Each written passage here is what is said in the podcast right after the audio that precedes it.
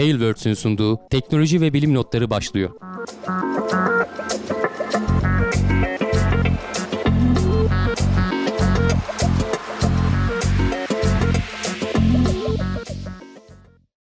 Teknoloji ve bilim notlarına hoş geldiniz. Ben Hamdi Kellecioğlu. Karşımda Cevdet Acarsoy var. Her hafta olduğu gibi yine bilim gündemiyle karşınızdayız. Nasılsın Cevdet? İyiyim Hamdi abi seni sormalı. Ben de iyiyim. Apple'ın yayınından hemen sonra başladık. Ee, biraz kuliste onunla ilgili konuştuk. Başka konu yoktu şu anda. Yeni işlemciler falan derken heyecanlı bir şekilde oraya giriş yaptık ama tabii bir yandan bir hafta boyunca da bilimsel haberler de birikti. Gerçi söylüyordum az önce sana kulisten önce e, kulisin kulisinde deyim hatta daha ilginç olsun.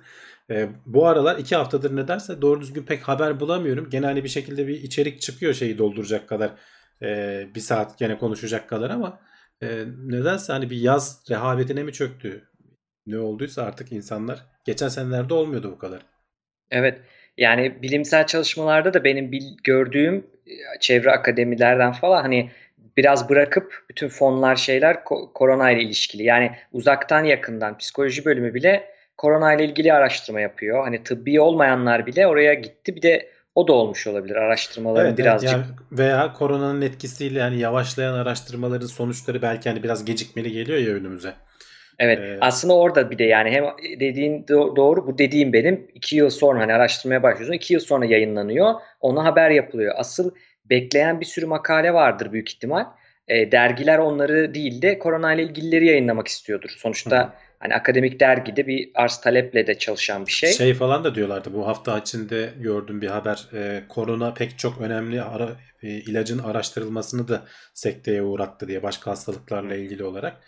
E, öyle yan etkileri oluyor. Havacılıktan tut da işte evet. e, yağmur hava değerlendirmelerine kadar geçen hafta konuşmuştuk. Her alanı etkiliyor.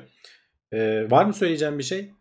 Bir duyuru yok, vesaire? E, bir duyurum yok. Genel duyurularımız destek olun. E, devam etmesini istiyorsanız daha e, daha da e, güzel yapmam, yapmamızı istiyorsanız bu tarz programları Teknoseyir'e katılabilirsiniz. Bu tarz programlar sizin desteklerinizle devam ediyor. Doğru mu dedim Hamdi abi? Doğru dedim. Aynı şekilde Gelecek Bilim'deydi tabii. Ee, sizde e, Celal Hoca vardı geçen günlerde. Nasıldı geçti? Ben izleyemedim Çok yayını ama. Çok güzeldi ya. Keyifli Çok miydi? yani 3 saat olmuş biz fark etmedik. Artık Oya abla aradı. Celal abinin eşi telefon etti falan. Yeter yat salı verin diye. hayır hayır yat artık diyor telefonda falan böyle. Yani çok eğlenceliydi. Biz an, o yüzden anlamadık. Çok zevkli bir sohbetti. Ee, onun tekrarını şu an katıl üyelerimiz izleyebiliyor e, hmm. tekrarını. İşte geçen cumartesiydi. Bu cumartesi de herkes izleyebilecek, açılacak ondan sonra. Ee, güzel, keyifli bir sohbet oldu. Şey de konuştuk bu sefer. Mesela Asperger sendromunu konuştuk hocanın. Havacılık konuştuk. Yani o önce anlattı. Kuzey Anadolu fayını anlattı. Bilimsel sunum yaptı bize. Sonra da böyle biraz da sohbet ettik. Güzel oldu. Ee, tavsiye ederim. İstiyorsan bir başlıkları geçeyim Hamdi olur, abi. Olur. Ondan sonra girelim. Ee, şimdi bu hafta çok ufak iki korona haberimiz var. Bir rakamları zaten geçeriz hemen. Bu koronada ilk örne ilk e, belirtilerden biri ani koku ve tat kaybıydı. Bunun sebebiyle ilgili önemli bir çalışma yapıldı. Sanıyoruz sebebini bulmuş olabiliriz e, diyor bilim insanları. Bunu konuşacağız. Maske takarak birçok şey yapıyoruz. Maskeyle spor yapmak tehlikeli olabilir. E, bunu konuşacağız. Daha sonra biraz yine uzaya sıçrıyoruz. Önce hep korona, uzay, dünyaya doğru iniyoruz zaten hep. E, dünyadan bakıldığında en büyük görünen gezegen hangisi? Bunu e, sormuş Medium'da bir e, yazar. Onu bahsedeceğiz. Sıcaklıklar artıyor, iklim değişikliği devam ediyor. Peki bu artmasının etkileri neler? Bunları kısa göremiyoruz. İşte birkaç yıllık bir çalışmanın sonucuyla bitkileri e, de etkileyebileceğini, işte bitkilere zarar vereceğini, toprağın kalitesine zarar verebileceğini bulmuşlar sıcaklık artışının. Yine benim çok sevdiğim bir haber. Bunun bölümünü de yapmıştık. Oyunlar çocukları psikopat yapar mı diye. Öyle bir oyun varmış ki doktorlar hiperaktivite, dikkat eksikliği bozukluğuna reçete edebilecek artık. Yani bayağı reçetede gözükebilecek şekilde bu oyunu oyna sana reçete ediyorum diyebilecekmiş. Bilim insanları yine e, sinir bilim araştırmacıları çok ilginç çalışmalar yapıyor. Bunun birisi bir deniz salyangozunun e, beynini simüle etmişler ve bu simüle edilen beyindeki salyangoz uyuşturucu bağımlısı olmuş. Ondan bahsedeceğiz. Son olarak da komplo teorileri çok yaygın. E, hatta yakında Işıl Arıcan'la konuşacağız bunu gelecek bilimde de. Ama çok yaygın. Bunun arkasında yatan ne gibi zihinsel süreçler var. Yani biz bunu bütün insanlar bir yere kadar yapıyor. Niye bazı insanlar çok yapıyor? Bunu nasıl değiştirebiliriz? En önemlisi de o. Bundan bahsedeceğiz ve en sonunda çok güzel bir içerik. Daha önce izlemiştim ben, sen göndermiştin. Dünyanın en şanssız savaş gemisini, e, Destroyer'ini konuşacağız. Çok güzel bir hikaye. Evet istersen o zaman başlayalım korona genel değerlendirmemizle. Evet. Ee, yani şöyle e, sayıları aslında geçen hafta konuştuğumuzda hafif hafif artmaya başladı demiştik Cevdet ama sonra ne olduysa böyle bir 1500'leri falan bir iki gün gördükten sonra tekrar böyle 1400'ler 1300'ler 1200'ler falan seviyelerinde e, şu anda sürünüyor. Yani e, hani normalleşmeden sonra insanlar biraz sağa sola hareket etmeye başladılar. Daha çok seyahat ediyorlar. Yani bir karışma oldu aslında. Bu hani 1500'lerin de üzerine yavaş yavaş çıkmasını ben açıkçası bekliyordum. Niye Hmm. geri dönmeye başladı bilemiyorum açıkçası. Hani kafamda soru işaretleri var ama hani elimde herhangi bir delil falan olmadığı için bir şey de söyleyemiyorum açıkçası. Evet. Ee, çünkü hani benim açıklayabildiğim, mantığımla açıklayabildiğim bir durum değil. Bu aralar biliyorsun hani sınavlar falan var.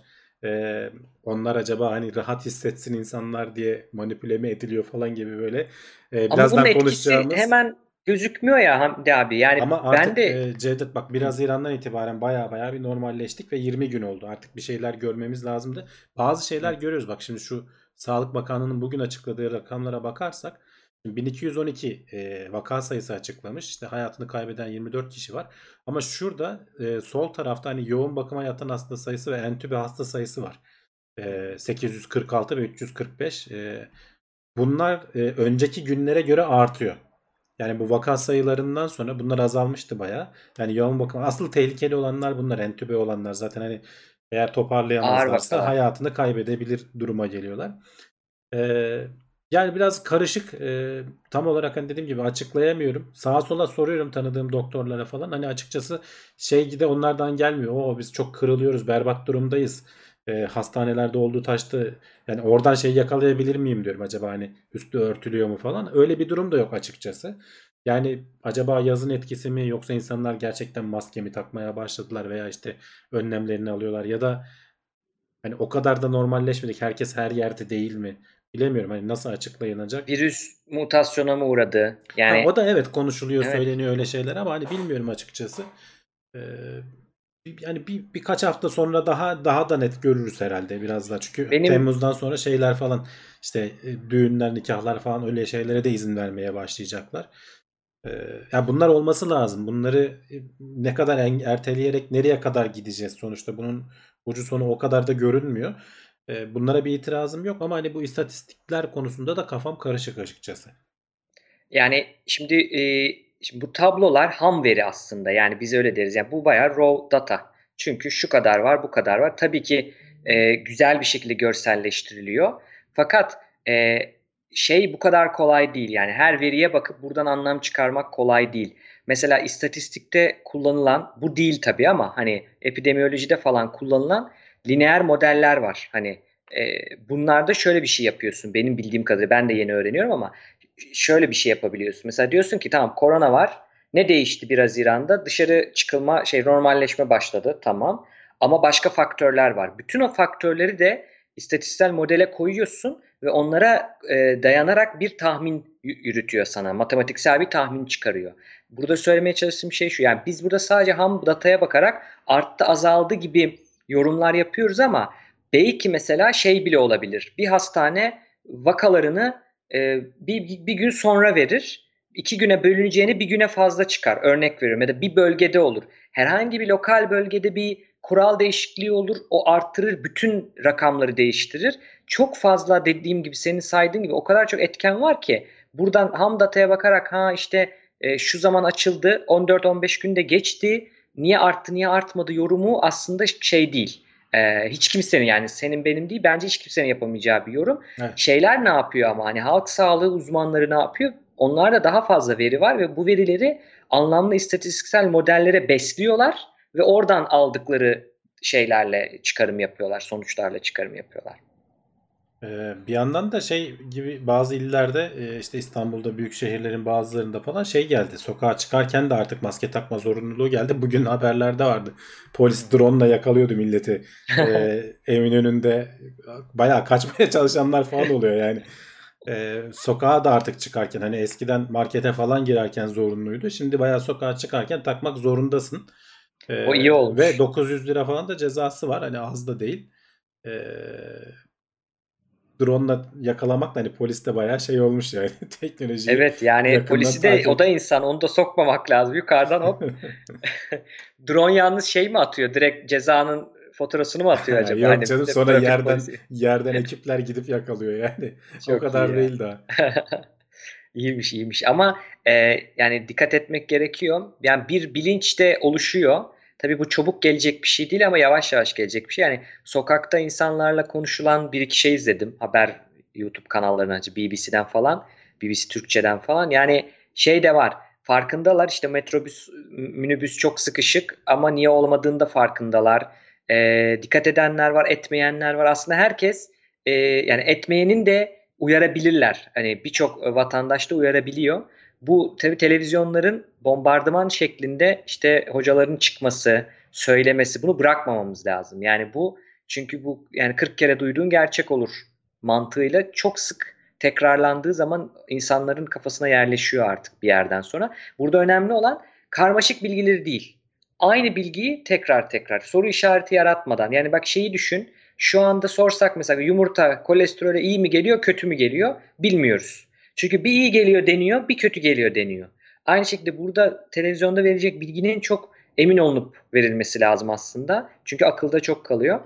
Buradan istiyorsan haberimize geçelim. Geçelim. Ee, koku ve tat kaybı oluyordu. Hatta biz bunu konuşmuştuk. İlk başta e, bilimsel kanıtlar yeterli değildi. Çok net hatırlıyorum aslında söylemiştik. Hani şu anda sıçramayın bilimsel kanıtlar yeterli değil diyorduk. Bilimin işleyişine de çok güzel bir örnek. Yani bir bilim insanına şu andaki bilgimle bunun kanıtı yok deyip de sonra aa varmış dediğinde aa bak yanıldı falan deme, dememek gerekiyor. Çünkü böyle çalışıyor bilim. O anda kanıt yoktu ama şimdi var. Hı. Zaten hani şey dememesi gerekiyor bilim insanı. Hiçbir zaman olamaz diye bir şey dememesi gerekiyor. Biz de öyle demiştik zaten. Yani demiştik ki şu an kanıtlara göre bilmiyoruz. Daha sonra bunun gerçekten bir erken belirti olduğu ortaya çıktı. Araştırmacılar da şunu bulmuşlar. Şimdi normalde gripte başka hastalıklarda ne oluyor? Burnun tıkanıyor o yüzden tat kaybı şey koku kaybı Hav- oluyor. hava Çünkü- girmiyor burnuna Heh. yani. hava geçmiyor. Onu bilirler işte burun spreyi falan kullananlar. Fakat e, Covid-19'daki durumda şöyle bir şey oluyor. Hava akışı sabit, hava, hava akışında sıkıntı yok, tıkanmıyor burun ama yine koku gidiyor. Ve ilginç bir şeyi bu koku alan sinirleri zarar veriyorsa bu, öldürüyorsa bu kadar çabuk geri gelmemesi lazım. Yani Şimdi hemen araş- iki hafta sonra falan se- semptomlar geçtiği zaman koku duyunu geri kazanıyorsun değil mi? Bu kadar Evet. çabuk dediğin o. Şimdi buradaki önemli nokta şu. e, Araştırmacılar şunu bulmuş. di- Dikkatli baktıklarında o sinir hücrelerinin yani koku almaya yarayan sinir hücrelerinde hani bu ACE2 ile bağlanıyor ya hücreye girerken e, korona. Artık hepimizin duyduğu ACE2 reseptörü almacı var. Ona bağlanıyor. Şimdi o bizim koku alan sinirlerimizde o reseptör yok. Yani koku alan sinirin içine giremez. Onu bulmuşlar. Şunu bul- şuradan e, sıkıntı yapıyormuş. O koku alan sinirleri destekleyen diğer hücreleri enfekte ediyormuş. Onlar da iltihaba neden oluyormuş. O yüzden e, oradaki sinirler devre dışı kalıyor bir süre. Hı hı. Daha sonra o iltihap geçtiğinde direkt olarak sinir te- tekrardan çalışmaya başlıyormuş. Yani o iltihabın neden olduğu e, inflamasyon o hücrelerin bir şekilde işlevini yapmasını engelliyor. Bütün burnu tıkamadan. E, Evet. Gene aslında kapanmış oluyor onlara ulaşması koku moleküllerinin. Sen o dolayısıyla koku alamıyorsun. Sonra iki hafta boyunca iyileştikten sonra o etrafındaki hücreler toparlanınca hücre sinirler zarar görmediği için onlara bulaşamadığı için e, neyse ki diyelim yani. evet. Ee, doğrudan koku alma duyun düzelmiş oluyor. Onunla bağlantı olarak da tat alma. Zaten tat ve koku birlikte e, çok bir arada işleyen bir süreç değil mi? Hı hı. Yani tat bile mesela şeyi düşünün. Burnunuz tıkalıyken yemek yersiniz. Dilinizde bir sıkıntı yok. Dil gene tat alır. Ama aynı tadı almadığınızı görürsünüz. Çünkü yemek yemek e, kokuyla çok birlikte çalışan bir Evet. duyumuz. E, algısı çok değiştiriyor. O yüzden e, aklınızda bulunsun. E, bu şekilde bu haber kısa bir haber yani bunun bu, böyle olabileceğini bulmuşlar. Bir de tabii şey de ekliyor e, araştırmacılar. Sinir hücresine zarar bile gelse bu kadar çabuk değil ama kendini yenileyebildiği, koku sinirinin yenileyebildiği de ortaya çıkmış. Bu da güzel bir haber. Hani başka sebeplerle toksik bir şeyler soludunuz, bir sıkıntı oldu. Yine de geri gelebilirmiş bu. E, uzun zamanda geçse geri gelebiliyormuş. Onu bulmuşlar. Buradan şeye atlayalım hemen. Korona haberlerini hızlı hızlı geçiyorum biraz. Çok da zaten hani uzun haberler yok.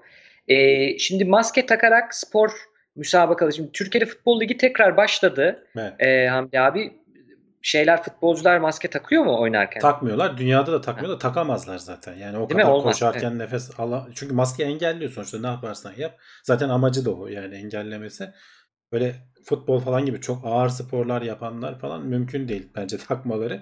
Gerçi İngiltere'de konuşuluyormuş şimdi taksak mı takmasak mı belki de yani ilk olacak falan deniyor hani söylentiler. E, çünkü bunun dediğin gibi önümüzdeki sezonları falan da var. E, şu an bildiğim kadarıyla hani Türkiye'de e, maçtan önce falan hepsini bir kontrolden geçiriyorlar.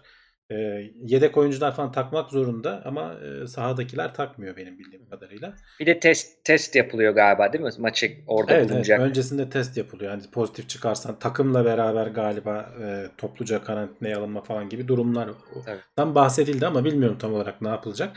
Ama asıl bu daha burada daha önemlisi az önce konuştuk ya sokağa çıkarken de artık takmak zorundasın. Şimdi eskiden işte düzenli spor yapıyorsan çıkıp bisiklet sürüyorsun, koşuyorsun vesaire falan. E, kalabalık ortama girmediğin için yürürken takmanıza gerek yok diyorduk. Biz de bu yayınlarda söylüyorduk. Ama şimdi artık sokağa çıkarken takmak zorunlu. İşte polis polise denk gelirse cezayı yersin. Spor Evet. yapıyorum'a falan da bakmazlar. Yani sokağa çıkarken takacaksın diyorlar çünkü. E, a- e, peki bu durumda spor yapabilir miyiz e, maskeyi takarken? Hani bu dünyanın çoğu yerinde sorulan bir soru. E, bu aslında hani haberin konusu da bilimsel araştırma değil de bir bilim insanının kendi kendine yaptığı bir test gibi diyelim. Aslında Evet. kontrollü deney. Yani gerçekten de hani bilimsel araştırma da diyebiliriz. Hani böyle çok fazla denek üzerinde değil. Evden bilim bu. Yani bilim Evet. insanı evde ekipmanları da varmış. Gö- resmi var şimdi Şimdi gösterirsin. gösteriyorum ekranda. Kadın zaten. denemiş yani. Ee, ka- kadına şeyi soran, e, Ekskrim e, Federasyonu soruyor galiba soruyor. E, ya bir araştırayım diyor. Gerçekten de ekskrim ekipmanlarını falan giyip e, işte taşınabilir e, gaz ölçer şeyi de var. E, atmosferdeki işte oksijen miktarını falan ölçen. Onu da takıyor. Bu ekskrimciler önce yüzlerine bir maske takıyorlar biliyorsun. Normalde de o işte şeyin kılıcın ucu girmesin gözüne falan diye. Onun içine maske takarak biz e, işte şeylere başlayabilir miyiz diye soruyorlar aslında. Ee, sonuçta çok hani koşmalı falan böyle aktif bir spor değil ama bayağı muhtemelen nefes nefese kalıyorsundur hani o hareketlerle falan da. Şimdi yapmadım bilmiyorum hani atmış olmayayım kafadan ama Evet. hani tahmin ediyorum sadece hani bir böyle depa Sabit atmak gibi durmuyorlar hiç olmuyordur ya. Hani yani. videolarını falan aklıma getirdim şimdi. Ben de tamamen hani cahilce konuşuyorum eskrim konusunda ama hani böyle o yerlerinde tabii ki bir senin yani futbolcunun sürekli koşması kadar gibi değildir ama yine de sürekli nefes alıyorlardır. Şimdi, Ne bulmuş peki? Ya şimdi şöyle diyor. Normalde hani atmosferdeki oksijen miktarı deniz seviyesinde %21 oranında. Sen yükseldikçe bu oran gitgide düşüyor. Maskeyi taktığın zaman sadece ekskrim maskesini taktığın zaman %10,5 19,5'a düşüyor diyor aldığım oksijen. Eğer bir de içine onun ben koruyucu maskeyi takarsam %17'ler falan seviyesine iniyor diyor ve bu e, İngiltere'nin galiba şeyi e, spor müsabakaları %1'lik %19'un altına falan indiği zaman spor yapmayı tavsiye etmiyorlar alabildiğin oksijen seviyesi. Yani deniz seviyesinden 1500 metre yüksekliklere falan denk geliyor diyor e, bu seviyelerdeki oksijen. Yani doğrudan şey sonucuna varmamış. Hani haberlerde de bu arada şey haberleri çıkıyor. Maske tak, takarken spor yaptıkları için işte hastaneye kaldırılan arkadaşlar vesaireler falan gibi haberler çıkıyor ama doğrudan bununla mı ilişkili bilemiyoruz diyor oradaki olaylar. Ee, ama hani cid- ciddi bir şekilde alabildiğin oksijen miktarını azaltıyor. Hani karşılaştırmak açısından da onu vermiş. Hani deniz seviyesindeyken sen işte e, 1500 metre rakımlı bir yere çıktığını düşün. Hani normalde orada yaşasan sürekli hani sporcular hiç hiç mi yok 1500'de desen var. Ama vücudun ona uyum sağlamış oluyor. Ama maske öyle Evet. değil. Maskeyi anlık takıyorsun. Daha vücudun ona uyum sağlamadan o oksijen seviyelerine sen bir de onu zorluyorsun spor yaparak. Ee, hani tehlikeli olma ihtimali var. Ee, belki hani yapabiliyorsanız e, sporu falan evden yapmayı deneyin. Ya da bilmiyorum belki hani geçirgen bir maske en azından e, o kadar şeyi engellemeyecek. Sizi koruması Yani- açısından değil. e, Çünkü zaten geçiriyorsa o şeyle. Ama açık havada yapacağını hani insanlara karışmayacağını düşünürsek polisten ceza yememek açısından yani. Belki spor alanları belirlenebilir. Ne bileyim işte sahil yolunda işte şeylerine bölüp ne derler şeritlerine bölüp o zaman koşulabilir gibi. Hani karşılıklı Ya değil de aynı sırada şeyi falan. söyleyeyim hani şimdi bu sokağa çıkarken getirmelerinin sebebi insanlar anlamıyorlar. Yani çıkarken Evet. tak işte otobüse binince çık- şey yap tak çıkarken takmasan da olur. O karışıyor. Markete girerken tak. Ben ben bile unutuyorum. Yani benzin alıyorum. Benzin ö- parasını ödemeye giderken adam uyarmasa farkına varmıyorsun. O anlık. Çünkü alışmamışsın. Evet. Ne yaptı devlet de? Herkes taksın dedi yani bunu dışarıdayken Düz de. hesap tabii ki. Düz tabii hesap ki. yani bunu düzenini sağlayabilmek için. Yoksa aslında hani açık alandayken o mikrobun derişiminin seni enfekte edecek seviyeye gelmesi pek mümkün değil. Ee, eğer işte 500 kişi bir arada değilseniz ya öyle değil. Şimdi bu haber hem şöyle güzel bir haber. Yani e, yapılabiliyordu tabii. Hani yapamazsın diye bir şey yok. Yapılıyor maskeyle ama e, çok da acaba sağlıklı olmayabilir mi soru işaretini e, çıkarıyor bu e, kadının bulduğu kendi bulgusu. Hani burada da tabii şey diyebiliriz. E, bilimin çalışma yöntemi yine güzel. Yani bu belki kadının kendinle ilgili bir şey var. Onun maskesiyle ilgili bir sıkıntı var. Ne bileyim arda arda yaptı bir şeyi unuttu. Bu tarz çalışmalar hani çok kişiyle denenmesi lazım. Bu bir cepte. Hani o yüzden hani net olarak zararlıdır maskeyle spor yapmak diyemiyoruz. Ama şöyle de diyebiliyoruz aslında. Çünkü bilim hiçbir zaman kadın sıfırdan başlamıyor. Amerika'yı yeniden keşfetmiyor. Şunu biliyor. 1500 metrede uzun süre spor yapılan alışkın olmayanlarda böyle böyle böyle sorunlar oluyor. Onu biliyor. E, oradaki soluduğu havanın da aynı olduğunu oksijen açısından aynı olduğunu bildiği için de bir çıkarım yapabiliyor aslında. Hani öyle bakmakta e, yarar var çok ağır sporlar, yürüyüş değil, orta seviye veya hani hafif seviye yürüyüşte bunun bir sıkıntı olmadığını söylüyor ama ağır spora geçtiğinizde e, maskeyle soru işareti. Yani yapmasanız daha güvende olursunuz. Belki Evet, zararı yoktur ama yapmamak daha güvende. Bir izleyicimiz demiş ki e, şey e, dün bir gazetede yayınlanmış bisiklet sürenler için geçerli mi falan diye hani Hıfzı Sıha Meclisi'nden bir cevap gelmiş diyor. E, alınan karar yayalar için sadece geçerli. Hani sosyal mesafe kuralına dikkat ederek maskesiz bisiklete binen vatandaşlara ceza kesilmeyeceği söylenmiş deniyor. Ama tabii hani ne kadar geçerlidir değildir. Onun şimdi garantisini var. Araştırarak bakın yani öyle söyleyeyim. Evet. Ya onunla ilgili bir hat vardı galiba. Hatta arayıp bunları sorabiliyorsunuz. Unuttum şimdi numarasını. Ama oradan sorabiliyorsunuz. Maskeyi tabii bak chatte yazmışlar. Yanlış takanlar da var işte. Burnu açık, ağzı, Ya a- o tabii çenesinde herkes falan. öyle yapıyor yani. Evet. Ve daha kötü belki üzerinde birlikte elini sürüyorsun. Tekrar burnuna sürüyorsun. Yani hiç hiç takmamasından belki daha büyük zarar veriyor kendisine yanlış takarak. Bunu da söyleyelim çevrenizdekilere söylerseniz e, belki de hani bunu bilmeyen vardır diye söyleyelim. Buradan bir sonraki habere geçelim. Korona haberleri bu kadardı. Dünyadan bakıldığında en büyük görülen gezegen hangisi? Ee, bu hafta hani bir haber değil de böyle ilginç bir yazıya denk geldim. Ee, şuraya gökyüzüne baktığın zaman en büyük görünen e, cisim yani yıldızlar falan bir sürü bir şey görünüyor ama en büyük görünen cisim tabii ki Güneş ve Ay. Evet. Ee, ama hani gezegenlerle karşılaştırdığınız zaman bunlar sonuçta dinamik hareket halinde oldukları için sürekli yaklaşıyorlar, uzaklaşıyorlar falan ve büyük boyutları da farklı. İşte Jüpiter en büyükleri e, ama bize uzak. İşte Mars nispeten yakın, Venüs bize yakın ama işte diğer gezegenler Uranüs, Neptün, Jüpiter işte Satürn kadar falan büyük değiller. Ee, bunun karşılaştırmasını yapan böyle ilginç bir yazıya denk geldim. Ee, bir kere şeyi bile karşı yapmak zor e, Cevdet. Güneş mi daha büyük görünüyor, ay mı daha büyük görünüyor? Hmm. En büyük olduğu halde dediğim gibi dinamik bunlar. Sürekli değişiyor günden güne ama en büyük oldukları ve en küçük oldukları halleri vermiş bu yazıda. Ee, ekrana da ben onu vermeye çalışacağım. Bir kere en büyük olduğu halde e, ay daha büyük. E, burada yazıyı okurlarsa teknik ayrıntıları da var. Hani gökyüzünde kaç e, yay saniyesi büyüklüğünde görünüyor. Veya işte dereceye de çevirebilirsin. Ay ve güneş nispeten büyük. Yarım derecelik bir büyüklükte görünüyorlarmış. E, çok yakınlar birbirlerine. E, burada boyutlarını da görüyorsun. Ay sadece böyle çok azıcık daha büyük. En küçük oldukları hallerde de e, ay biraz daha küçük kalabiliyor. E, güneş e, nispeten hani pek bozulmadan e, boyu devam ediyor. O da biraz dünyanın hani dönüş şeyinin çok oynamamasından, ekseninin sabit kalmasıyla alakalı diyebiliriz.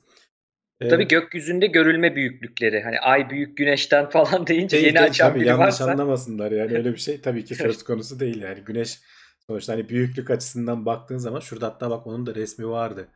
Ee, şeyi denk getirebilirsem onu karşılaştırmasını e, Güneş sisteminin %99 küsürünü güneş oluşturuyor. Hani en büyük gezegenleri vesaireyi falan düşünürsek şu yazılar şeyler sonradan yükleniyor. Yandan onları da yüklemiş olalım. Yani e, çok ilginç bir soru.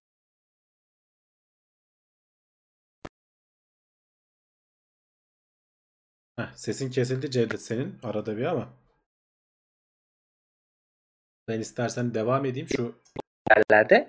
Mesela ilk defa Mars'ı gördüğümde çünkü yıldız zannediyordum. Hani onu ayırmanın yolunu gördüm. Hani çıplak göze baktığınızda ışığı titreşmiyorsa gezegen olma ihtimali çok artıyor. Hani böyle hafif sarımtırak ışığı titreşmiyordu. Mars olabilir dedim. Sonra bir uygulamaları var ya onun adını unuttum Hmm. şimdi. Bunlardan biriydi. Telefonla baktım ve Mars olduğunu gördüm. O heyecanımı hiç unutamıyorum yani ve bir 5 sene evvel falan böyle hani çok çocukken de falan değil. Orada çok, bak güzel e, söyledin. O uygulamalar gerçekten işe yarıyor. O uygulamalarla gökyüzüne falan baktığın zaman Sky Mapper mıydı? Sky Navigator mıydı? Öyle bir ismi olduğunu hatırlıyorum. Evet. Sky Atlas mıydı? Hani arasınlar zaten bu Bir şekilde var, evet. ararlarsa bir sürü çıkar. Ee, bayağı takım yıldızlarını vesaireyi falan görebiliyorsun güzel bir şekilde. Ee, şu büyüklük karşılaştırması derken aslında hani büyüklükleri bu şekilde hani sonuçta şurada dünya bak zaten minicik kalıyor yani güneşin yanında falan. Ay daha da küçük olduğunu düşünürsen bayağı küçük. Ee, ama asıl hani şeye karşılaştırdığın zaman şu e, görünüm açısından da orantılı karşılaştırmasında da şu resim var. Ay bu büyüklükteyken e, Venüs bu kadar görünebiliyor en üstte. İşte Mars bu büyüklükte görünüyor. Jüpiter. Bunlar göze görünenler değil. Bunlar teleskopla alınmış görüntüler. Hani ay ar- biz ayı zaten hiçbir zaman bu arkadaki büyüklükte görmüyoruz gözümüzle. Ee, onların hani karşılaştırmalı şeyleri de var. Şöyle biraz daha aşağı ineyim. Ee, şeyleri falan vermişler tek tek. Hani Merkür ne kadar görünebiliyor? İşte dört Ölçekli buçuk- halde bak Evet ve güzelmiş. en küçük ve en büyüğünü de veriyor. Yani 4,5 saniyeden e, yay saniyesinden 13 sa- yay saniyesine kadar değişiyor aralık, aralığı. Ondan sonra sırada gelen e, Neptün e, bu çok daha uzak olmasına rağmen e, büyük olduğu için ikinci sırada. E, sonrasında galiba Mars geliyor. Ee, onunki de 3.5 ile 25 arasında. Mars'ın fark ettiysen şeyi bayağı değişebiliyor yakınlık uzaklığa göre. Ee, Satürn e, 14.5 ile 20. Sonrasında Jüpiter 29 ile küsuratlarını söylemiyorum. 46 hadi 47 diyelim. Ee, şurada asıl benim en büyük görünen e, Venüs. E, gezegenler arasında. Tabii Ama yakınlık burada önemli. Şeyi de herhalde. çok değişiyor. Ee, yakınlık uzaklıktan dolayı oranı da çok değişebiliyor. 9.7'den 66 e, saniyeye kadar. Yalnız şurada çok ilginç bir bilgi vermiş. E, çok keskin gözü olanlar e, Venüs'ün şeylerini görebiliyor diyor. Görebildiğini iddia ediyorlar diyor. Bu hilal şeklini. E, Ha. Onların da tabii üzerine gölge düşüyor. Gölge düşüyor. Evet yani Venüs'ün bunları görebildiğini iddia eden e, kişiler varmış. Ama hani sonuçta dünyadan hani çıplak gözle baktığın zaman e, veya teleskopla da aslında aynı şekilde aynı şey.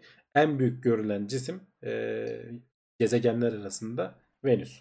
Bak o Galileo'nun kendi orijinal çizimiymiş şu an gözüken. Evet evet evet. Çok O ilginç ya. işte ilk zaten teleskobu yapıp şeylere kadar Jüpiter'in uydularına kadar bakmış. 4-5 tane uydusunu keşfetmiş.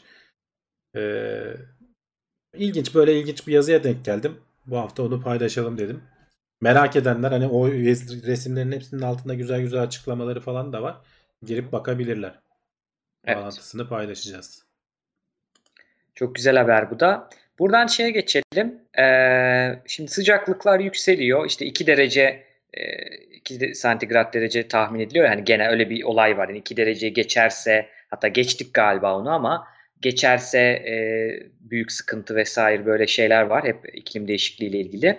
Şimdi bunun tabii bir birçok yere etkisi var ama çok e, kritik bir şey toprak. Yani ve toprak da bir kaynak olarak gözülüyor. Yani toprak bir sonsuz zannediyoruz. Hani sürekli ekerim, e, şey alırım, ekin alırım, mahsul alırım.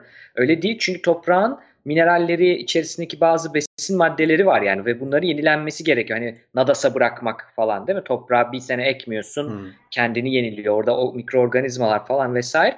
Bunların için önemli ama sıcaklık neyi değiştiriyor? Şimdi diyorlar ki her zaman toprağın içinde e, mantar e, familyasından, mantar ailesinden bazı şeyler var. Zararlı, e, bitkilere zararlı olabilecek ya da besinleri tüketebilecek, toprağın kalitesini bozabilecek şeyler var ve bunlar sıcaklıkla daha fazla ürüyormuş. E, öyle bulmuşlar ki eğer 2 derece artarsa toprağın sıcaklığı ya da e, bütün şeydeki bakıyorum evet 2 derece artarsa 3 katına çıkıyor bütün bu organizmalar ve bu ne yapıyor peki? Ne ne demek bizim için? Bunları normalde biz pestisitlerle veya başka ilaçlarla vesaire kontrol edebilirken artık edemeyeceğimiz dereceye çıkabiliyor aslında. Yani şeyi belki yani izleyicilerimiz arasında bilenler vardır. Ee, bir kere şey istatistiğini söyleyeyim. Oradaki bu haberdeki ilginç istatistiklerden biri bu. Ee, Birleşmiş Milletler'in hani bu işte tarımla ilgili organizasyonunun söylediğine göre hani dolaylı veya doğrudan e, yiyeceklerimizin %95'i topraktan geliyor sonuçta. E, her şeyi oradan üretiyoruz bir şekilde. Dolayısıyla burada işte bu bitkilerde özellikle ve bitkilere de çok hani sadece bizim yememiz değil hani hayvan yemi vesaire falan olarak da düşünürsen çok te- temelden bağımlıyız. E, ve bu bitkileri etkileyen çeşitli hastalıklar var. İşte virüsleri falan vesairesi de var onların. Mantarlar da bunlardan biri. Aynı şekilde mantarlar insanları da etkiliyor. Bunlar hani mantar deyince yediğimiz o kültür mantarları aklına gelmesin. O küçük gene e, tek hücreli canlı seviyesinde olan mantarlar da var. Ve işte sana hastalık oluşturuyor. İzleyicilerimiz arasından az önce söylüyordum. Bilenler vardır. Bu 1840'lı yıllarda İrlanda'da çok büyük bir kıtlık oluyor. Patates kıtlığı diye geçiyor. Yani nüfusun %20'si falan hayatını kaybediyor açlıktan. Ee, şehirler falan neredeyse hani bayağı boşalıyor. Bu veba salgını gibi hani orta çağlarda yaşanan gibi bir şey. Şimdi patates e, şey olarak besin olarak çok zengin bir şey olduğu için nüfusun artmasına neden oluyor. Ama nüfusun tek bir böyle kritik bir şeye bağlı olduğunda ona bir tane şey dadandığı zaman hastalık dadandığı zaman ki burada da o olayda da mantar bir çeşit mantar işte ismi falan var e, Wikipedia'dan falan bakabilirler. E, bir sene ekinin yüzde işte 30'unu 40'ını yok ediyor. Bir sonraki sene tamamını götürüyor. 7 yılda falan yani şeyi toparlayamıyorsun. O hastalık tamamen mantar etkisini kaybedip geçene kadar sadece topraktakiler değil depoladıklarını da e, bulaşıp yok eden bir hastalık. Yani yenmez hale getiriyor senin e, besinlerini. Dolayısıyla nüfus ona çok bağlı olduğu için bayağısı bir hayatını kaybediyor. Hatta işte o İrlandalıların falan topluca Amerika'ya göç etmeleri falan tam da bu zamana denk geliyor. Böyle garip tarihsel etkileri de var. E, İngilizce konuşmak yayılıyor falan mesela böyle isyanlar falan gibi böyle karmaşık durumlar da ortaya çıkabiliyor. Bunun gibi bir şey yaşanabilir.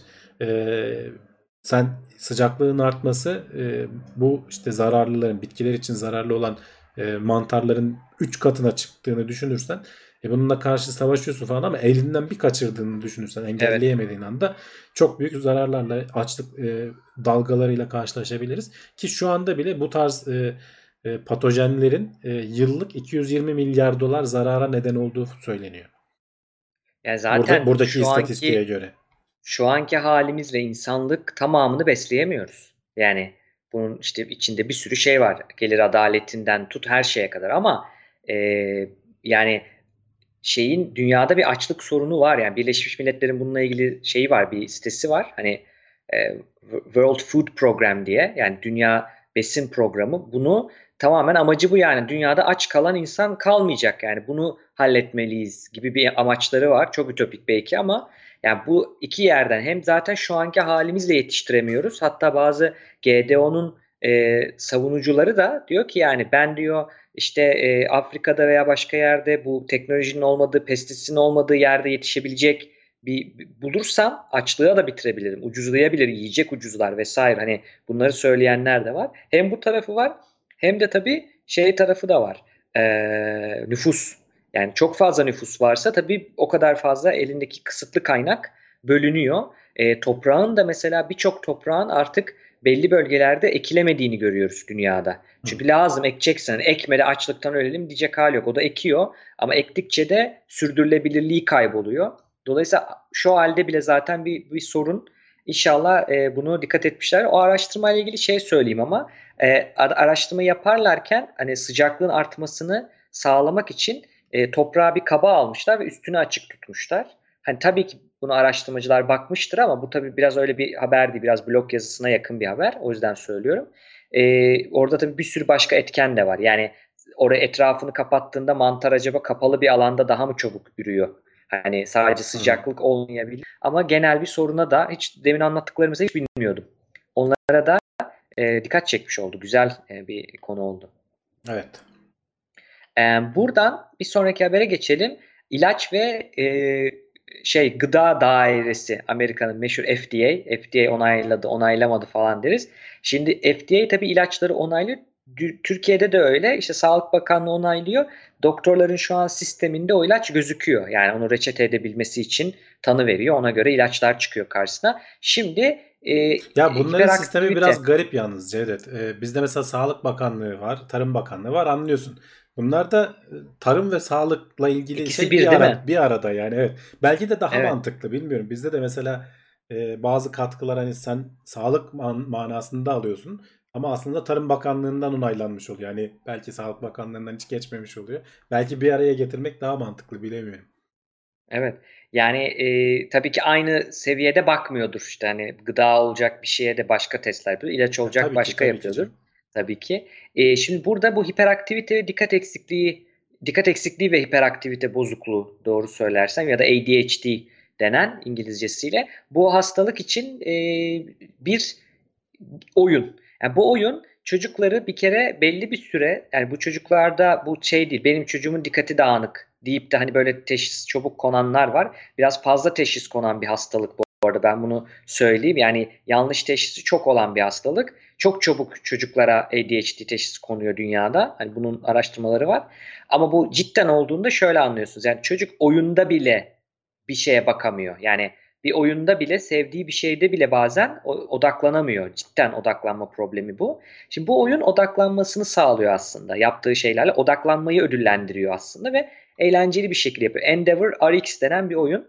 Bunu 8-12 yaş arasındaki çocuklara e, şey yapılabileceğini yani reçete edilebileceğini söylemişler. Tabii normal bir ilacın biliyorsun anlattık bunu daha önce bir sürü işte şeyleri var. Faz 1, faz 2, faz 3 ilaçların, aşıların çok zor e, şey oluyor. Hani raflara gelip reçete edilecek hale geliyor. Burada tabii öyle bir durum yok çünkü bu bir oyun. Burada zararsızlığına hani bakmışlar aslında oyunun ve etkisinde kanıtlanmış bir, e, birkaç çalışmayla. E, bunun ardından FDA'ye sunulan e, şeyle e, başvuruyla FDA bunu kabul etmiş. Bu çok ilginç bir şey oluyor. Bu oyun e, tarihte ilk defa bir oyun olarak yani bilgisayar oyunu reçete edilebilen ilk ve tek bilgisayar oyunu bu şu anda gördüğümüz Evet, Endeavor RX. şey ilginç Cevdet yani ben baktığım kadarıyla hani çok fazla da şey bulamadım demosunu falan bulamadım hani internette oynanışını falan çok kısa şey paylaşılmış. Hani bildiğimiz platform oyunlarından da öyle çok da farklı değil gibi yani Evet. bir şeylerden kaçıyorsun bir şeylere yakalanmamaya çalışıyorsun hani sanki her oyun bunun için sanki başvursa FDA'den şimdi adamların hani hakkını yemeyeyim bilmediğim için söylüyorum belki hani özel bir şeyleri vardır olmasa herhalde almazlardı onayı ama e, ya da başvuran ilk oyun mu oldu acaba adamlar bunu verip Aslında biraz bilmiyorum. öyle yani farkı ta- yani şimdi baştan ona göre tasarlananla eğlence için tasarlanan oyun aynı değil. Hani Hı. başka şeyleri de ödüllendirebilir e, bir oyun ya da eğlenceyi Ama başka bir şey başarmak için sonuçta dikkatini kay- kaybetmeden ona odaklanman gerekmiyor? Hani bu da onu Evet. sağlıyor zaten sana. Şimdi sıkıntı olan şu. Her bilgisayar oyununun arkasından 5 tane bilimsel çalışma yapılmıyor 600 çocukla. Burada o var. Yani bunlar çalışmayı yapmışlar. Ee, 600 çocuk toplamda. En iyi çıkan sonuçta da yani bu araştırma 5 tanesinden yani birisinde oynayanlar %36 oranında iyileşme görüyor şeyle ilgili. E, dikkatiyle ilgili vesaire oyunu oynadıktan sonraki haftalar boyunca. Biraz da senin dediğin gibi Hamdi abi yani başka bir oyunda oyun olarak çıkmış. Bunun araştırmasını yapsa belki onun da etkisi olacak ve o da başvurabilecek. O konuda Bak, haklısın. Brave, Brave ilginç bir şey sormuş. Reçetesiz oynanıyor mu diye. Oyun, e, işte bak bulamadık. belki de ben yok eczaneye vermiyormuş değil mi? Hani reçetesiz satmıyormuş? Steam falan. İndiremiyorsun. Evet. Ee, bu arada şeyi be- belirtmişler haberde onu da söyleyelim bir uyarı. Bu tabii araştırmalar e, oyunla ilgili e, finansal bağlantısı olanlar tarafından yapılmış. Hani bağımsız onu, onu araştırmacılar söylüyorlar. değil. Evet. Evet, dolayısıyla onu söyleyelim. Ee, bir de tabii bu şöyle biraz yani e, e, o zaman niye onay aldı? Hani FDA tabii bunu biliyor ve bakıyor şeylere, başka noktalara da bakıyor. Ama burada şunu düşünüyorlar. Zararı var mı? Diğer oyunlar kadar yok. Hani oyunu yasaklayacağım kadar yok. E, ilaç gibi bir şey de değil bu. Bir yardımcı tedavi yöntemi. Onu da de, devreye alarak eklemişlerdir. Yani her ilaç ya da her tedavi yöntemi, tek tedavi yöntemi bu kadar kolay onay almıyor. Özellikle onu söyleyelim. Aradaki fark. Zaten hani bu ADHD tedavisi işte hiperaktivite, dikkat eksikliği, hiperaktivite bozukluğu için ilaç kullanıyor, ne bileyim terapi alıyor falan. Onların yerine geçmiyor bu. Destekleyici olarak alabiliyorsun ama bunun yasal sistemde yeri var artık. Yani sana haftada şu kadar saat Endeavor RX oynamayı reçete ediyorum diyor çocuğa Amerika'daki doktorlar. Farkı bu. Geçelim. Geçelim mi sıradakine? Geçelim geçelim. Çok ilginç bir haber ya. Çok hoşuma gitti bu benim. Ee, şimdi su ne nasıl çevirdik bunu? Su Deniz salyangozu. Ha, deniz salyangozu. Sea slug diye geçiyor. evet. Şimdi bunun çok ilginç bir durumu var. Sinir bilimciler şunu merak ediyor. Yani insan beynini simüle etmek şu an çok zor. Çünkü çok karmaşık yapı. İnsan değil birçok canlının zor. Ama şöyle başlayabiliyorlar. Diyorlar ki çok basit bir canlı bulalım. Sinir sistemi çok basit olsun. Biz bunu bilgisayara simüle ettirebiliriz o zaman. Hani nasıl davranacağını. Dolayısıyla bu canlının sinir sistemini, beynini basit de bir canlı bu resimde görüyorlar. Onun e, bütün sinir sistemi, nöronları sayısı hani yet az ki onu direkt koyabiliyorlar bilgisayara. Bilgisayarda çalışabiliyor. Aynı yapı. Şeyciler sonuçta- çıkmasın Cevdet. Ee, Deniz Salyangozu Severler Derneği seni kınamasın basit canlı falan dedin şimdi. Basit canlı değil de sinir sistemi basit. Karmaşık, Heh, karmaşığın zıttı olan basit. Diyor. İnternette salyangozculardan linç yeme şimdi. Olabilir. Bir de bu reptilyanlar falan var ya. Şimdi. Değil mi? Şimdi bu e, bunun şimdi bununla ilgili ben başka da duymuştum. Başka canlılarda da deniyorlar bunu. Hani nispeten basit e, yapıdaki sinir sis- sistemi olanlara. Şimdi burada aldıklarında e, şöyle bir şey deniyorlar. Yani bu aslında baktığınızda ne yapıyor bu canlı? Yemek yiyor, üremeye çalışıyor ve acıdan kaçıyor. Çok temel e, bir şey canlılığın hani algoritması gibi aslında. Şimdi bunu koymaya çalışmışlar e, programa. Fakat şöyle bir şey yapmışlar. Yani bunu yazdık. Bu arada e, adı ne? Asimov şeyin Evet. adı. O da çok güzel. Onun bir Kısaltmaymış açılımı, tabii. var evet. Uzun bir Evet. açılımı var. Evet. Ee, bakayım. Çok çeviremeyeceğim. Bayağı şeyler var. Yok İnsan- gibi değil evet evet. Bayağı zor. Ee, seçici teşvik, motivasyon ve optimize değerleme algoritması diyebilirim. Bravo. Asimov diye oluyormuş. Asimov e, denen e, bu e, şey e, yapay zeka diyelim ya da bilgisayardaki simülasyonunda şimdi resimde görüyorlar maviler yemek yiyor. Hem yemesi güzel, tadı var yani tat olarak hem kalori veriyor. Niye hayatta kalacak? E, şeyler, yeşiller yediğinde ona acı veren şeyler. Bunu yememesi lazım. Bundan kaçınmayı öğrenmesi lazım. Sarılar da şeyler bunlar. Uyuşturucu madde. Bunu ama şöyle düşünüyorlar. Bunun kalorisi yok. Yani hayatta kalması ilgili bir etkisi yok. Ama beynindeki ya da o sistemdeki haz alma şeyine e, çalıştırıyor. Haz alma kodunu Tatmin çalıştırıyor. ediyor evet bir şekilde. Tatmin ediyor. Aynen. Şimdi buna bıraktıklarında aslında bu normal devam ediyormuş. Araştırmacılar zaten şunu merak etmişler. Biz bunu bağımlı yapabilir miyiz? Ve orada e, haz alma kısmı işte tatmin olma şeyinin algoritmasının artık kat sayısını mı değiştirdi ne yaptı? Biraz oynadığı zaman şu oluyor. Yemeği bırakıyor. Yemek yemeyi falan sürekli şeyle hani ölmek pahasına Yani sürekli şeyi simüle etmeye çalışıyorlar Cevdet. Aslında önce bir kere normal bu uyuşturucu falan olmadan bir kere ortama salıyorlar. Beklenildiği üzere zaten besini alıp yiyip diğerlerinden kaçınmayı öğreniyor ve işte enerji seviyesini falan da simüle ediyorlar muhtemelen. Acıktıkça yiyor zaten. Hani sürekli Tabii. böyle yiyip yiyip patlayacak duruma gelmiyor. Sonrasında ortama işte senin dediğin gibi bu uyuşturucuyu verince bu bir şekilde tatmin ediyor. Ee, ama enerji sağlamıyor. Ve bu uyuşturucunun hani normalde de e, bir eşik olur ya gitgide eşik seviyen yükselir. Daha fazla alman gerekir aynı etkiyi yaşayabilmek için. Onu da simüle etmişler. Heh, evet. Dolayısıyla daha çok yemek şey yapmak zorunda kalıyor. Bir yerden sonra yemek yemeyi bırakıyor alet. Habire uyuşturucu peşinde. Hani tam bir yoksunluk sendromuna girip kendini kaybediyor. Yani şimdi bunun birkaç şeyi var bu araştırmanın. Bir, bunu gerçek, şimdi deniz canlı neydi? Deniz salyangozlarını e, karşısına aldı diyorlar ama e, şunu cidden bunu gerçek, bu araştırmayı gerçek deniz salyangozu yapmak daha zor. Çünkü E, onun etik izinleri var ve bir canlı. Bir kere sen bunu Ve simüle daha ederek uzun sürer. Her yaptığın Evet. şey daha uzun sürer. simüle ederek o canlılıkla ilgili etik problemi ortadan kaldırıyorsun. Bak müptezel salyangozlar yazmış Yegenek. Çok güzel. Özeti bu yani şeyin haberin. Bir kere onu kaldırıyorsun. Etik problemi kaldırıyorsun ve çok farklı şeyler. Birden fazla sosyal olarak ne oluyor? Bir tane daha koysak ortama nasıl olur? Algoritmayı nasıl değiştiririz? Ama nihai hedef şu aslında. Hani bunu şeyden eğlenmek için aa işte salyangozu simüle ettik o da bağımlı oldu ha falan değil de şunun için yapıyorlar. Bu basit sistemlerde bağımlılığın nasıl çalıştığını, beyne nasıl bir etki yaptığını anlarsak buradan düşün daha şeye doğru. Ne bileyim işte e, memeliye gider oradan. Ne bileyim oradan primatlara gider. En sonunda insanlara gidebilir e, bu yapılar. Çünkü aslında hani sinir sistemi insan şeylerde e, bu omurgasız bir canlı ama galiba hani birçok farklı canlıda benzerlik gösteren tarafları da var. Farklı da var ama benzerlik tarafı şu anki işlem gücümüz, e, algımız, e, ka- karmaşık şeyleri anlama yetimiz buna yetiyor. Ama ileride bu artabilir. O yüzden gelecek vadeden bir e, araştırma. Evet ama yani sonuçta hani beklenildiği gibi çıkması da iyi. Yani planladığın gibi her şeyin e, zaten hani gerçek hayatta da görürüz aslında. E, deney yapmayı bırak gözlemleyerek bazı hayvanların, insanların e, belli şeylere bağımlılık duyması hani so- son derece saçma da olsa e, bunun hani bu geri beslemeli sistemin net bir şekilde çalıştığını gösteriyor. Bu bu tarz böyle simülasyonlarla ufak tefek senin dediğin gibi başta ayarlarını değiştirerek e, nasıl e, bu sistemin büyüyüp büyüyerek işte kendi kendini beslediğini daha iyi anlayabilirsin.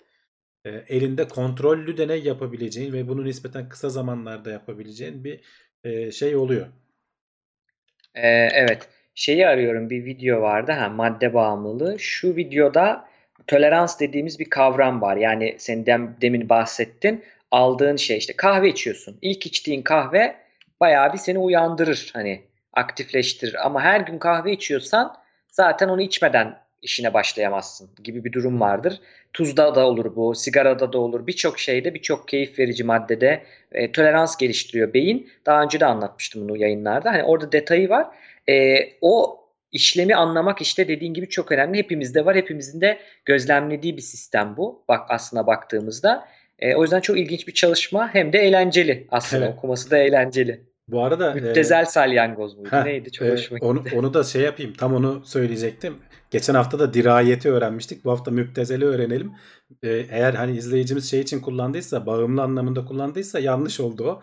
Müptezel e, biraz böyle ortalamada yani çok fazla olmasından dolayı değerini kaybeden, bayağı gibi bir anlamı olan bir şey. Müptela e, bağımlı Müptelayı mı kastetti acaba? Ha. Muhtemelen. E, ama e, bu tarz böyle kelimeler birbirine karışıyor. Yani yanlış anlamasınlar. Geçen hafta da dirayet, dirayetli böyle dayanıklı, e, güçlü falan gibi bir anlamı var diye düşünüyorduk ama aslında şey çıkmıştı.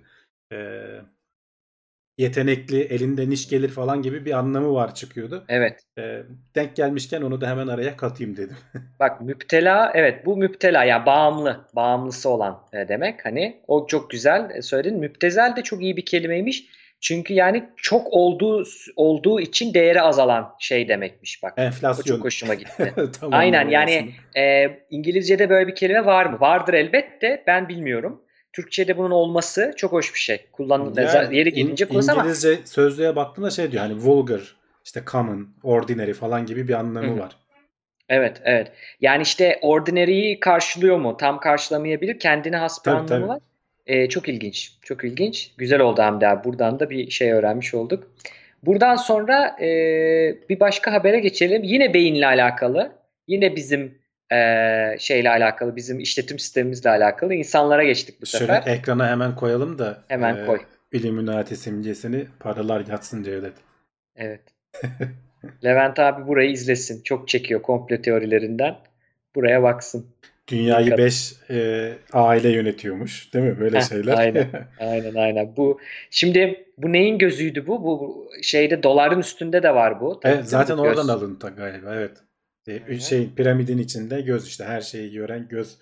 E, ya bunların üstüne ekle ekleyebildiğin kadar böyle insanların e, algılarını gıdıklayan, hoşa giden şeyler. Peki bunların kaynağı ne? Evet. Şimdi kaynağı şu Hamdi abi. Beynimiz aslında deminki haberle çok güzel bağlantılı. O canlının sinir sistemi, beyni ya da ne dersen ne için uğraşıyor? Hayatta kalsın, e, yeme ne lazım? Yemek yemesi lazım, işte e, acıdan kaçması lazım, e, tatmin olması lazım, üremesi lazım gibi. Şimdi insanlarda da böyle ama bunu yapabilmemiz için beynin e, özellikle insan beyninin çok büyük bir tahmin etme, öngörme daha doğrusu öngörü gücü var. Öngörü organı diyor hatta bazı sinir bilimciler beyne. Sürekli öngörü yapıyor. Hatta beynin bazı işlevleri var hala anlamadığımız mesela hiçbir şey yapmadığımızda çalışan varsayılan ağ var mesela varsayılan e, mod e, ağı dediğimiz default mod network var. Kimisi de diyor ki mesela yani bu ağ bunun için çalışıyor yani hiçbir şey yapmasam bile sürekli Sesin kesildi bir Cevdet.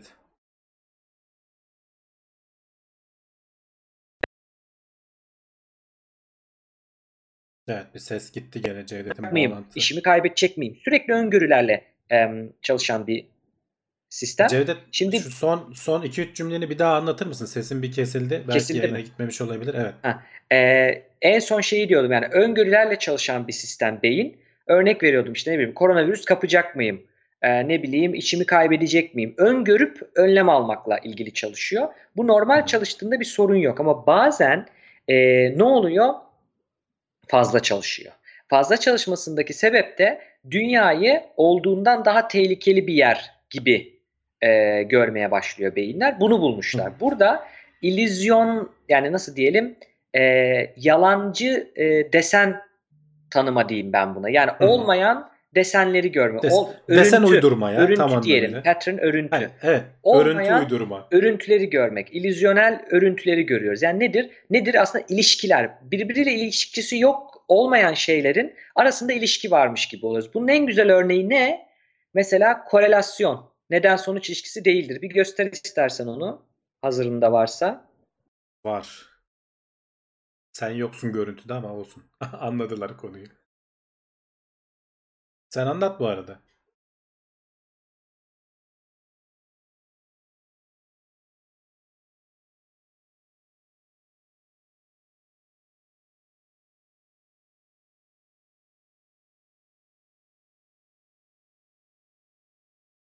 güzel uyuyorlar birbirlerine. Aralarında ilişki olduğunu düşünüyoruz mesela. Bu işte çok güzel bir örnek.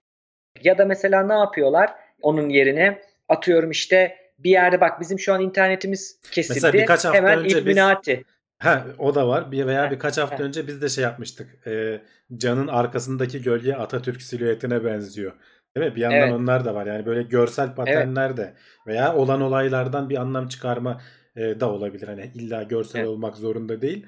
E, veya işte ne bileyim domatesi kesiyorsun içinde Allah yazıyor falan gibi ve veya başka e, Hristiyan ülkelerde İsa resmi çıkıyor falan ağacı kesiyorlar falan gibi böyle veya ne bileyim bir yerlerde yüz görebiliyorsun musluğun falan e, iki işte ucunu göz işte ortasındaki musluk kısmını da burun falan gibi.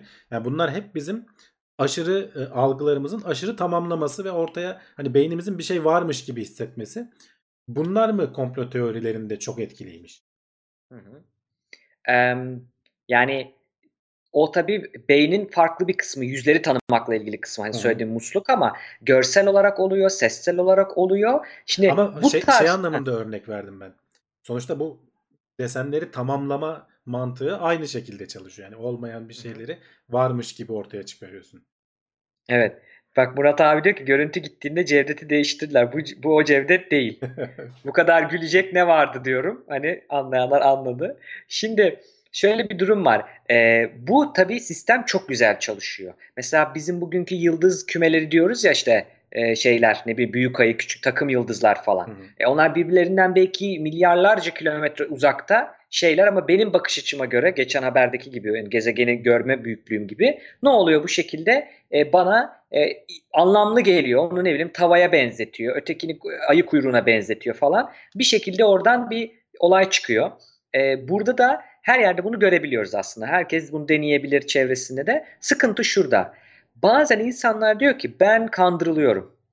Bir şeyler var. Yani dünya tehlikeli. Başıma bir şeyler geliyor. E, bu algı arttıkça beyindeki bu işte e, yalancı örüntü görme mekanizması fazlaca çalışmaya başlıyor. O zaman da sen arasında ilişkili olmayan şeyleri ilişkili görmeye başlıyorsun. Bunu saptamışlar ve bununla ilgili aslında hani deneylerle de gösterebiliyorlar bunu direkt. Bunu söyleyenler vardı ama deneyi yaparak bunu e, gösterebiliyorlar. O çok ilginç mesela. Mesela 264 Amerikalı e, şeyle ilgili e, bakıyorlar mesela inançları ve gördükleri resimlerdeki örüntüyü nasıl algıladıklarıyla gibi mesela ve orada cidden hani farklı inanışları varsa onları ne bileyim işte parayı atıyorsun. Parayı atmak kaotik bir şeydir yani rastgele bir şeydir. Rastgele görmüyor mesela onu. Ya da mesela soyut resimler gösteriyorsun. O Rorschach testi gibi, Rorschach testi var ya. Onun gibi böyle soyut resimler gösteriyorsun. Oradan daha çok böyle anlamlar çıkardıklarını görmüşler. Yani bu olay aslında insanların beyninin belli bir bölgesinin ya da belli bir sisteminin çok çalışmasıyla alakalı. Benim buna kendi araştırmada olmayan, benim kendi eklediğim bir şey de var onu söyleyeyim. Benim spekülasyonum bu tamamen. Buradaki motivasyon da biraz şey Hamdi abi. Siz göremediniz, herkes kandırılıyor, ben gördüm. Ben daha zekiyim. Hmm. Ben daha işte şeyim, e, uyanığım. Hani Büyük gibi. oyunu ben bozdum. Evet, büyük oyunu ben bozdum gibi. Böyle bir sahte bir ego şeyi de var orada yani. Egoyu da besleyen bir tarafı da var. Mantığı yani bunu motive eden, bu insanları buna sürükleyen şey olabilir. Çok ufacık bir farklılık bile yani bizim algımızda şey olabiliyor burada. Direkt olayla ilgili işte Illuminati'yi görmek, aralarında ilişki olma. Mesela diyor ki zenginlerin dünyada diyor ki zenginlerin sosyal gücü olması normal çünkü parası var. Ama biz onu şey diyoruz. Hayır onlar zengin hepsi çünkü Illuminati. Evet. Hani başka yere bağlıyorsun e, şey olarak. İşte metro durdu. Adam sürücüsü frene bastığı için değil de adam tuttuğu için durdu demek gibi bir şey bu. Evet o da öyle gözüküyor. O da öyle gözüküyor ama hangisi daha mantıklı gibi. Ya da iklim değişikliğinin olmadığını, iklim değişikliğini reddedenler. Trump'ta bunlardan biri. Hı. Ne bileyim işte Pizzagate denen bir şey varmış. Onu bilmiyorum ben ne olduğunu. Nasıl bir komplo teorisi o. Ama-. Mesela Amerika'da bir çalışma yapılmış. Neredeyse yüzde 50 in- normal insan bunlar. Hiç özel bir şey yok. Düz dünyacı değil. Hani böyle bir örgüte hani şeyleri yok. Sayfasına, örgütüne bir şeyine bağlı değil. Ve psikolojik hastalıkları olmayan normal sokaktaki her e, iki kişiden bir Amerikalı en az bir tane komple teorisine inanıyormuş. Yani menbaı orası Amerika. Yani onu Sen söyleyelim. bakma canım her yerde aynıdır aşağı yukarı. Bizim Bize oradan çok geliyor. Farklı- çok ithal farklı ediyoruz. şeyler de çünkü. var. Hani bizde de işte e, herkes bize düşman. E, ne bileyim yani bunun Ha, aynen, farklı aynen. yansımaları var yani. Tabii. Veya işte Yani hep oyun oynanıyor. Şey, Bizim üzerimizde oyunlar gidiyor. oynanıyor falan. ülkede bir şey kötü gidiyor. Bu ne bileyim dünyanın konjonktürüyle alakalı olabilir. Benim halkı halkımızın bizim yapamadığımız bir şey olabilir. Ne bileyim hani ya da yöneticinin yapamadığı bir şey olabilir. Hakikaten de dış gücün de oyunu olabilir mesela. Hani hepsi var. Ama hangisine seçiyoruz biz? Hangisi beynimiz için İşimize hoşumuza seçiyoruz. gidiyor? Aynen.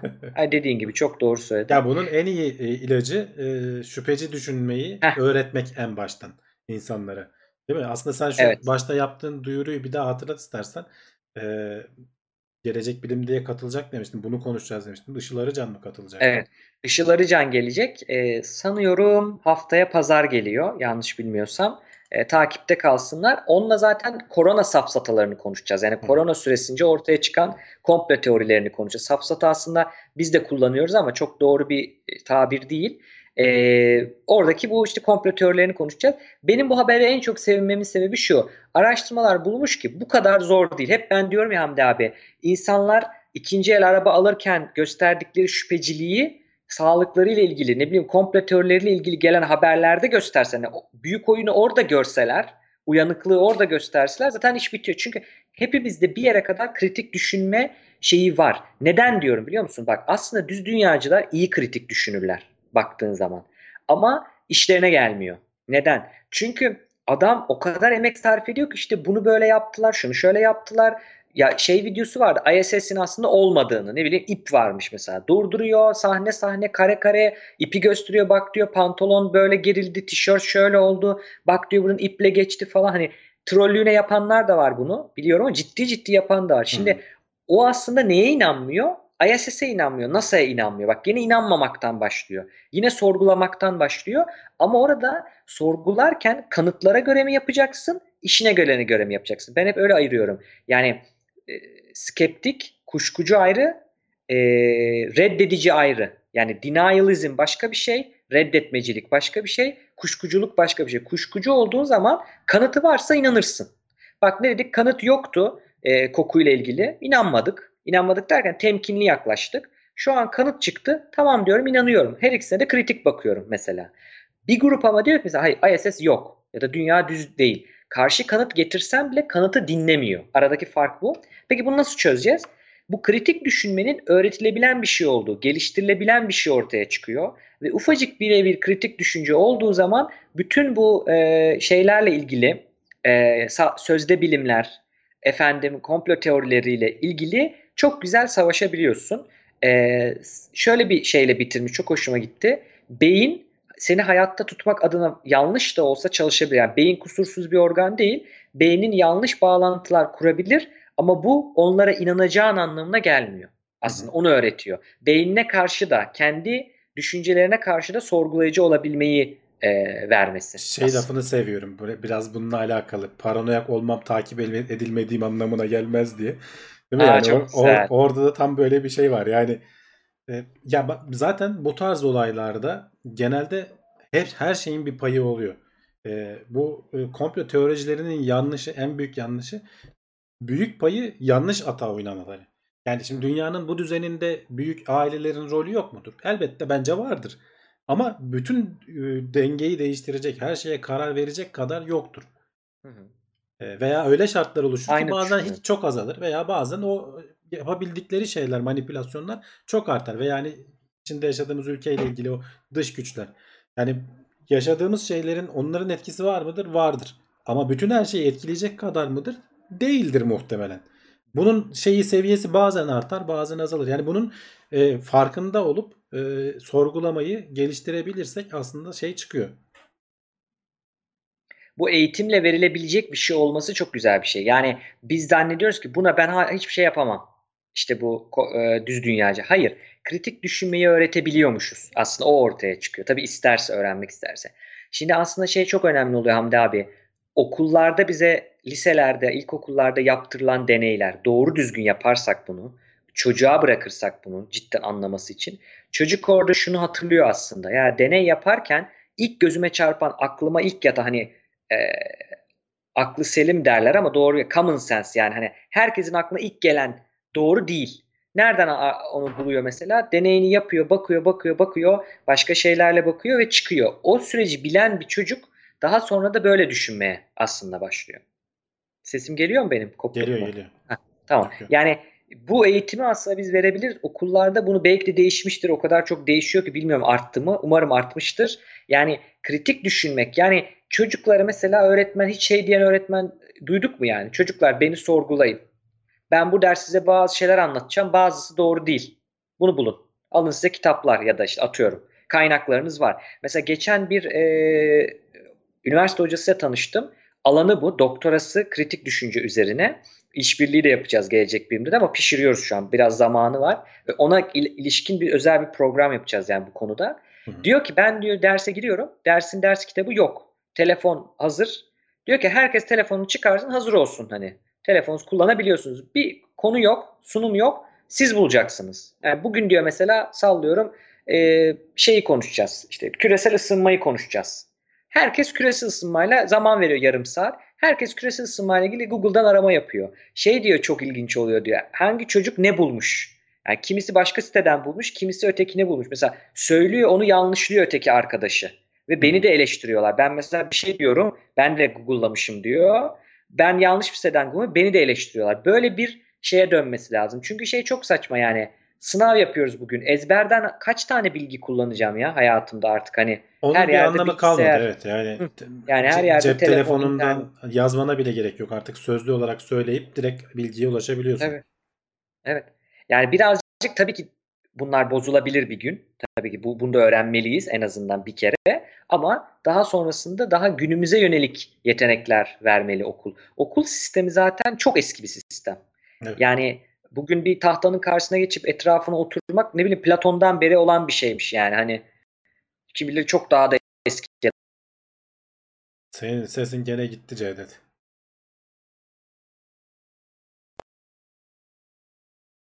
Bu ilginç bir şekilde yani. Bir şeyi pasif izliyorsun. Birazcık değişmesi lazım e, eğitimin. Senin sesin gene gitti. Ee, son birkaç cümleyi anlayamadık. Platon'dan beri böyleymiş dedikten sonra kaldı. Tamam sorun değil. Çok bir şey eklememiştim. Güzel. Ne yapalım? Var mı söyleyeceğim bir şey? Yorumlar falan yoksa sıradaki habere geçelim. İlginç, Geçelim. e, haber değil de öneri diyelim artık sıradaki. Güzel bir öneri. Evet. Geçelim. Ee, ge- Teknoseyir'de bir izleyicimiz e, akışta paylaşmış bu videoyu. E, şöyle ekranda da şeyde yapayım. Dünyanın en şanssız e, savaş gemisi diye. E, Büyük Beyaz Filo diye bir YouTube kanalının paylaştığı onlarca video var. Bu e, savaş gemileri ve denizcilik üzerine böyle acayip menba bir siteymiş. E, şeyi de meraklısı da e, oyun da var bu World of Warships onu oynayan izleyicilerimiz var ben biliyorum. E, meraklıları belki biliyorlardır. Onun anlattığı bir hikaye. Ben hikayeyi burada şimdi anlatmayacağım çünkü hani o tat, tadı vererek anlatamam. Evet. Merak edenler izlesinler ama yani bizdeki ben hani dinlerken şey geldi aklıma. Hani Süt Kardeşler filmi vardır ya. e, Kemal Sunal falan işte Şener Şen e, olay bahriyelidirler. Denizde geçmez, gemide geçmez ama hani orada başlar olayın hikayesi. Onların işte böyle sakarlıkları, beceriksizlikleri falan bir an ben de e, sanki hani adamlar şeyi ele geçirmişler bu e, gemiyi ele geçirmişler de olmadık işleri becermişler hissi uyandırdı. Yani adamların yapmadığı şey kalmamış yani neredeyse Amerikan başkanının bulunduğu gemiyi batıracaklarmış yani öyle söyleyeyim. Aynen. O, o, o seviyede sakarlıklar, beceriksizlikler ve hani bir değil iki değil. Hani bu e, videoyu mutlaka izlesinler. Konuya merak duyarlarsa benim de hani öyle savaş gemileriyle ilgili çok bir şeyim yoktu. Ama kendimi şey yaparken buldum. İşte Destroyer nedir, Kurvazor nedir, bunların tarihi nedir, ne oluyor falan. Hani konuyu anlatan arkadaş da ismini bulamadım kusura bakmasın. Çok, Çok güzel, anlat- anlatıyor ya. Güzel Çok zevkle anlatmış. anlatıyor yani. ee, hani fotoğraflarla falan anlatıyor. Biraz daha dinleme ağırlıklı. Hani podcast falan olarak da dinlenebilir. Merak edenler hani görselleri var da o kadar hareketli şeyler olmadığı için. Ee, bir yandan da açıkçası merakla saldım bu World of e, Warships e, oyunu nasıldır acaba e, sarılabilir mi diye. Zaman olsa bakılacak şeylerden biri. Tavsiye olsun. Ee, Evet. Yani dünyanın hani özet de geçelim çok anlatmıyorum ama dünyanın en şanssız daha doğrusu en şapşal e, şeyi destroyeri USS William D. Porter denen bir şeyin hikayesi. E, izlesinler başka videolar da var. E, gerçekten çok ilginç bir hikaye. Ya ve şey e, hep aynı şeyleri izliyoruz ya Hamdi abi. E, o hoşuma gitti benim. Yani gemicilik de var bak burada bir ba- başka bir tarih de var. Ya Farklı şeyi alanlara çok girmek- farklı evet yani hani nasıl bir de şeyi güzel anlatıyor. Yani gelişimi nereden başlamış? Ne ihtiyacından böyle bir şey doğmuş? Ee, neyi denemişler? Olmamış. İşte birileri bir şey deniyor falan. Ee, ona karşı başka bir şey bulunuyor. O sırada teknoloji gelişiyor. Torpidolar bulunuyor. Hayda yaptığın her şey işe yaramaz hale geliyor. Başka bir şey deniyorsun. Ee, işte yok denizaltılar çıkmaya başlıyor falan. Hani böyle çok e, değişik bir tarihçesi var aslında. Hani me- me- ya ben biraz her şeye meraklı olduğum için benim ilgimi çekti. Ee, izleyenler, merak edenler baksınlar. Tavsiye ediyorum kesinlikle. Evet. Ee, abone de olun. Güzel bir kanal. Yani 7000 abonesi var. Ee, eğer ilginizi çekiyorsa bu konular destek olmak üzere. Çünkü yeni başlayan kanallarda çok motive ediyor. Yani yeni abonelerin gelmesi. Özellikle mesela YouTube ilk başlarda mail atıyor yani. Her aboneye mailin geliyor böyle. Yani bir süre sonra kapatıyorsun onu ama e, bayağı bir e, şey oluyor. Motive edici oluyor. E, devamını dileyelim videoların. Böylece de gündemi e, bitirelim. Tamamlamış olduk. Ee, Evet. haberlerimiz, e, önerilerimiz bitti. İstiyorsan kulis kısmına geçelim. Link var mı demişler. O da yayı kayda çıksın diye hani şimdi söyleyeyim. E, linkler bunların teknoseyir.com'da e, Evet. bütün linkleri Yani görebilirsiniz. bununkini özellikle şeye de koyarım. Sadece e, YouTube videosu olduğu zaman açıklamaya da koyuyorum. Hani YouTube Ha. üzerinden de kolayca erişebilsinler diye. Haberlerin linkleri olmuyor. Bu sefer hepsini koyarsak çok karışık oluyor YouTube'un açıklama kısmı. Linkler açık açık yazılması gerektiği için. E, Teknoseyir'den bakabilirsiniz. Ama bununkine özellikle koyarım açıklama Evet. kısmına.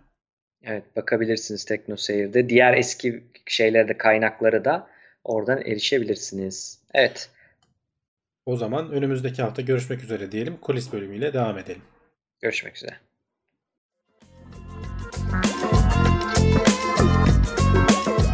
Tailwords teknoloji ve bilim notlarını sundu.